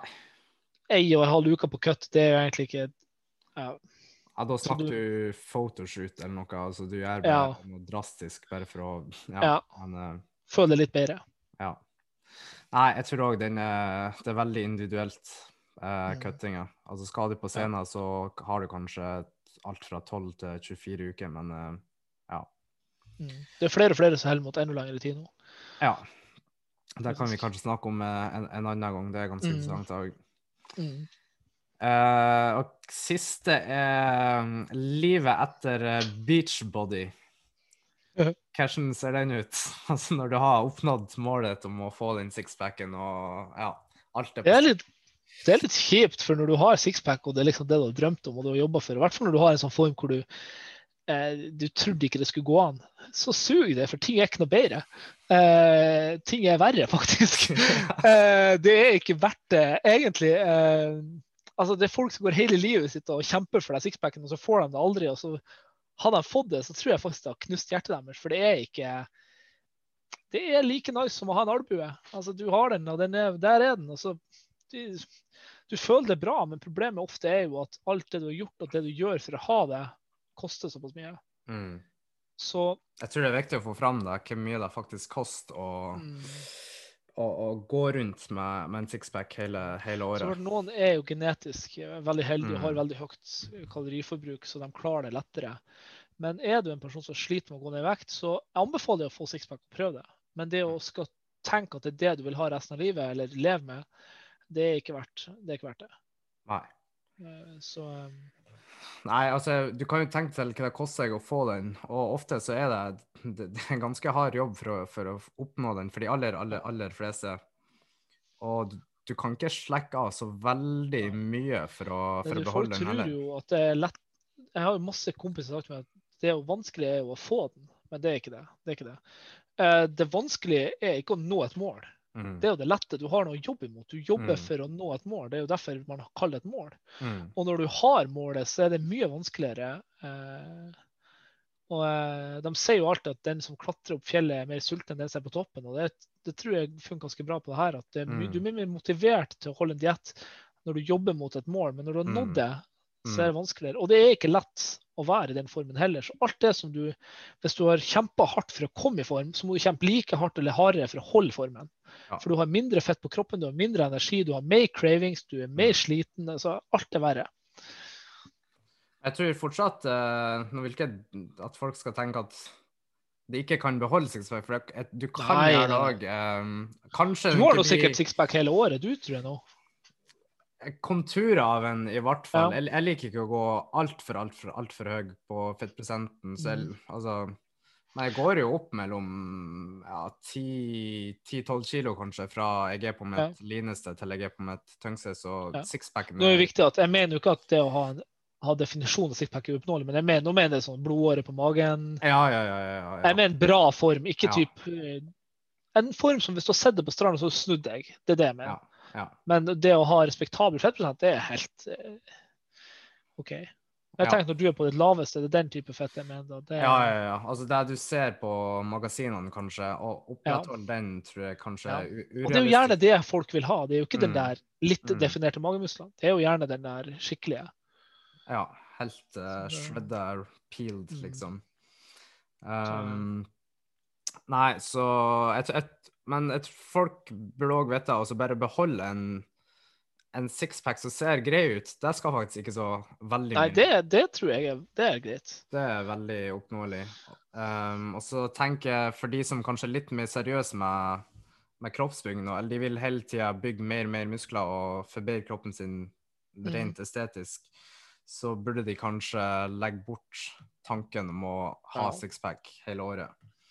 For Ja, du blir ikke det- komme noe nærmere målet om å bygge muskler hvis du hele tida skal ha fokus på å holde Mm. sixpacken. mm. Du som har vært utøver i ja, en, en del år, hvor, eh, altså, hvor ofte har du sixpack egentlig? Altså, du- Nei, jeg er jo sikkert på dårligst, bil- jeg bilder av eh, jeg vet, ikke, jeg vet ikke om jeg har sett profilbildet på Facebook. Har du sixpack-bilde der? Nei. Nei, OK. Jeg, jeg, jeg, har, jeg, har, jeg er voksen nå, så nå har jeg jo fjeset mitt. Ja, OK. Men ja, eh, nei, mange, jeg har det, kanskje det er jo mange som har liksom Ja. altså, de, de som er, liker trening og kroppsbygging og sånne ting, de har jo bilder av eh, kanskje fra dagen de var på scenen og så beste formen de noen gang har vært i. Og så tror jo folk at kanskje de er sånn Ja. hele, hele Ja, det er mange, det er mange som lever det og tar da Jeg vet folk som har med tre skifter på hver trening for å ta bilder. Mm. Sånn at når de er ferdig på diett, så har de content de kan bruke. For det selger mer. Det er mer underholdende. Det er artigere å se en person som er bra form trene. Mm. Men det gir jo folk den illusjon av at de som er bra trent, ser sånn ut hele året. Ja. Uh, og det er jo ikke sånn. Nei. Nei, jeg vil, eh, jeg vil at vi skal ha fram litt, litt sånne eh, Mm. innsyn på podkasten her, at folk får et litt mer Ja, ja, ja. nyansert bilde av hvordan ting egentlig Nei, jeg er i form kanskje hver Jeg prøver jo alltid å ha bedre form om sommeren enn om vinteren, og litt sånne ting da. men Mm. sånn bra form kanskje hvert tredje år. mm. Men eh, det er veldig få som burde konkurrere mer enn hvert andre år. Ja. Så ser du noen som er i form ja, mer enn det, så er de, da har de stagnerer, stagnerer de. Da står de nærmest stille. ja. Men det er for at det er artigere for dem å være i form enn framgang. Det er jo deres Og det er helt greit. Det er Mm. alle mann for seg sjøl, skal vi si. Eller, ja. Ja. Uh, du, før vi avslutter, så har jeg et par uh, kjappe spørsmål som uh, Yes. noen på Instagram min har stilt. Mhm. Den ene er Skal vi se Hvor mange cheat meals er OK, den har vi tatt allerede. Mhm. Eh, det ene var Slit med å få i meg to gram protein per kilo kroppsvekt. Eh, tips til det? Spørsmålet er jo hvor stor denne personen er. Hvis denne personen veier 150 kg, så trenger han ikke spise 300 gram eh, protein. Så det du, første du kan ta tips er hvor mye tror du du er lean på det meste? Hvis du er 80 kilo, hva er det han sa? Nei, jeg det sto- ingenting. sto- nei, ok, ok. Hvis han er 90 kilo, men han tror at han er veldig shredda på 75, ta det ut fra 75 kilo da, to ganger. Og okay. klarer du ikke to gram, så ta 1,8 til 1,9. Altså, eh, gjør ditt beste, da, Ja. rett og slett. Men uh, OK. Det er for så vidt bra. Jeg, jeg tror ikke du får noen store forskjeller fra om du tar 1,8 eller 2 gram, liksom, eh, i, i forhold til resultatet. Men kanskje, det lett, er det lettere for deg å få i deg 1,8 gram da, istedenfor 2. Så hvis du, hvis du er 80 kilo, du skal få i 2 gram, og det er 160 gram, og du sliter med det, eh, og du ikke drikker shakes, så vil det bli lett hvis du begynner å drikke shake. Mhm. Eh, en proteinshake kan du fort ha en 40-50 gram protein i seg. Ja. Da har du nesten en tredjedel av dagsbehovet ditt, og da er det nesten umulig å ikke få i seg 100 gram protein hvis du spiser mer enn to måltider. du et Mm. Jeg vet ikke hvordan du skal klare å ikke få i deg det hvis ikke du bare spiser ris. Så jeg tror nok shake vil være et godt alternativ hvis du ikke allerede gjør det. Ja. Og siste, er hvis du forteller meg at du drikker shake allerede, så tror jeg rett og slett at du ikke tracker, og at du faktisk er over to gram per kilo. Fordi at hvis du er et normal husmor altså Til og med mora mi lager med to gram protein per kilo. Altså når hun lager middag og sånn her. Mm. Mm. Og brødskive med salami blir nærmest det til slutt. Så eh, jeg tror du track og legger en shake. Og har du gjort alt det, nedjuster målet ditt, eller prøv. Prøv Mm. hardere. Jeg tror òg eh, Altså kosttilskudd, det er jo den grunnen for at det heter Mm. tilskudd, Mm. eh, gjør det sykt mye lettere med proteinpulver. Og det er jo et høyverdig protein Mm. i, i seg sjøl. det er noen som tror at det ikke er det, men uh, altså eh, Proteinpulver inneholder jo egentlig alt av essensielle aminosyrer som Mm. du finner i kjøtt. Ja, det er jo og- perfekt for eh, folk som syns det er vanskelig å få i seg nok mat. Mm. Det, Um, jeg, jeg svarer jo på spørsmålet spørsmål sjøl òg. Jeg hadde noen ekstra et, Mm. et tips der, kanskje. Um, for eksempel folk som hater å ete kyllingfilet. Det er tungt, og det er kanskje litt tørt. og så eksempel karbonadedeig eh, tenker jeg er en fin Mm. måte å kanskje spice det litt opp. Smaker mye bedre. Lettere Mm. å få i seg. Eller noe jeg begynte å gjøre sjøl nå, eh, for bare et par uker siden faktisk, det er at jeg begynner å Jeg har begynt å kverne eh. Kyll kyllingen. Uh, så når jeg steker det, så, så blir det som kjøttdeig, og, Ja, ja, ja. og så kry- krydrer jeg med enten tacokrydder eller hva som helst. Ja, det er jo dritgodt. dritgodt. og det er sykt, sykt mye lettere å få den det. Det er helt sjukt. ja, ja. Eh, hvis du ikke har prøvd det, så Og så er det Jeg har ikke, jævla jeg har ikke laga det sjøl. Jeg har ikke laget det selv. Nei, det, og så er det så jævla lean òg. Det er jo altså 1 Det er jo ren. fett per 100 gram. Det. Men når du spiser det, det, det er så sykt mye lettere, det smaker så mye bedre. Det skal jeg ta og prøve. Uh, så det må, det må du prøve. Uh, andre er sk skyr er jo òg Altså skyr, mager kesam, Mm. vanilje. Det, det er jo Det går lett ned. Trenger Mm. ikke å tygge, og det er veldig høyt proteininnhold. Ja, det er genialt. Um, og jeg vet ikke, tenk om fisk jeg, Personlig syns jeg er lettere å Jeg føler Ja. meg mye lettere i kroppen når jeg har spist fisk, enn hvis jeg spiser det eh, kylling, eksempel. Ja, fisk er jo lettere å fordøye enn eh, kjøtt, og i hvert fall rødt kjøtt. Uh, Mm, Hvit fisk mm. er jo enda lettere igjen. Mm. Uh, men det er jo gjerne da skal du få i deg f.eks. samme mengde uh, protein av torsk, så må du spise ganske mye torsk. Ikke at det er nødvendigvis så mye mer i mengde, men altså, mange folk er jo ikke vant med å ete 400-500 gram torsk Mm. i et måltid. Men jeg tror det kan være et godt alternativ. Men altså, hvis det er så mye som har mye protein i seg, så vi på en måte glemmer det. Mm. Uh, og det er så utrolig mye kjøtt nå som er kommet, som har bra på innhold på fett, som er godt på protein, og som ja, smaker. Så jeg ville bare gått rundt på Rema og kikka litt på pakningene. Ja. For hvis kyllingen er kanskje det typiske vi tenker bygger muskler, men nesten Mm. alt kjøtt bygger muskler. Mhm. Så er det bare å prøve å finne de som ikke kanskje har 10-12 gram fett i seg. Mange av de Ja. nye kjøtttypene har jo ganske Ja, mye. Det smaker jo jævlig godt, da, men uh, uh, da vil det jo fort bli mye kalorier. Ja. Altså, for å kompensere for uh, høy uh, fettinnhold på kjøtt, for min del i hvert fall, så er krydderet alf, alfa og omega. Det er ikke så mye kalorier, det er nesten ingenting, og Mm. du tilfører så mye mer smak til, ja. til kjøttet du, du, du spiser. ja. Så jeg gikk faktisk eh, Kanskje lineste noen gang har vært i fjor sommer. Jeg spiste taco eh, to ganger taco om er Spiss kummin, altså. Det er krydderet. Eh, det, ja, det var det jeg begynte med. Det var fem år siden kanskje jeg brukte spiskummin. Men i fjor da var det bare tacokrydder. Jeg gidder faen Og du brukte den vanlige? Du brukte den vanlige Ja, sånn? va- Ah, vanlige, tacokrydder. Det er jo tacokrydder. 100 kalorier nesten. i pølse. Ja, men jeg brukte, jeg brukte bare en halv per, per kjøttdeigpakke. OK, OK. Så Ja, det, det blir, det blir bare sånn her ti kalorier Det ekstra er jo det per, samme per måltid, liksom. som man drikker noe uansett. Ja, sant. Nei, ja, det er godt, altså. ja, eh, du, jeg har ett siste her nå. Ja. Fyr øya før vi har avslutter. Skal vi se. Um, det her ble skrevet på engelsk. Jeg skal prøve å lese Skal vi svare på engelsk, eller skal vi ta på norsk? Um, jeg tror ikke denne, denne personen liker å skjønne um, Vi tar den på, på, ja, på norsk, så vi tar den på engelsk. Ja. Uh, tried eating more protein, but still not growing muscle. What to do? Forstår du den? Mm.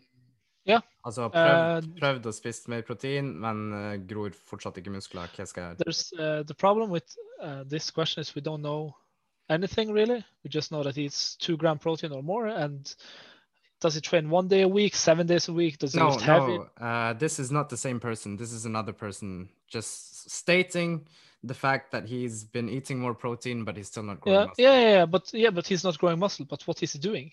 Yeah, I exactly. could, exactly. I could be eating. I thought you two said two two grams protein. I thought you. Oh no, no, was the same. uh, no. It's just we don't know anything. So Yeah. I mean, uh, he could be eating perfect, but his training is whack. He could be eating perfect and training perfect, but he's not sleeping. Uh, So there's so many questions there that we need answer to. But first, are you training enough? Are you training hard enough? Are you sleeping? Uh, how are you managing your stress? And are you drinking water?